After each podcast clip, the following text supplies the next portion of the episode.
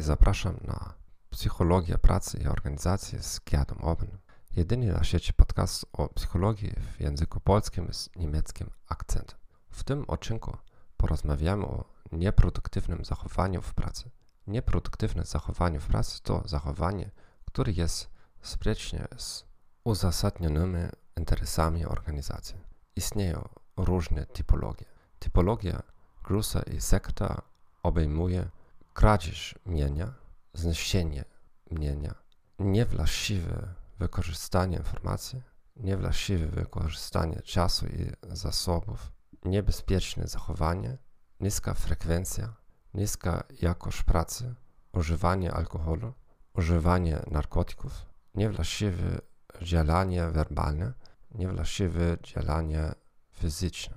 Typologia Robinsona i Bennetta obejmuje odchylenie od produkcji, polegające na zachowaniach takich jak wcześniejsze wychodzenie z pracy, celowa praca powoli lub robienie długich przerw. Dewiacja własności polegająca na sabotażu sprzętu, kradzieży mienia i przyjmowaniu nielegalnych prowizji.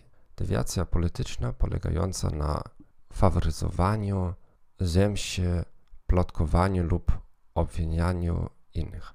Agresja osobista obejmująca nękanie, obelgi słowne i narażanie na niebezpieczeństwo. Nieproduktywne zachowanie w pracy koreluje z następującymi czynnikami. Narcyzm, nadużyciowe przełożenie, co prowadzi do niechęci do firmy.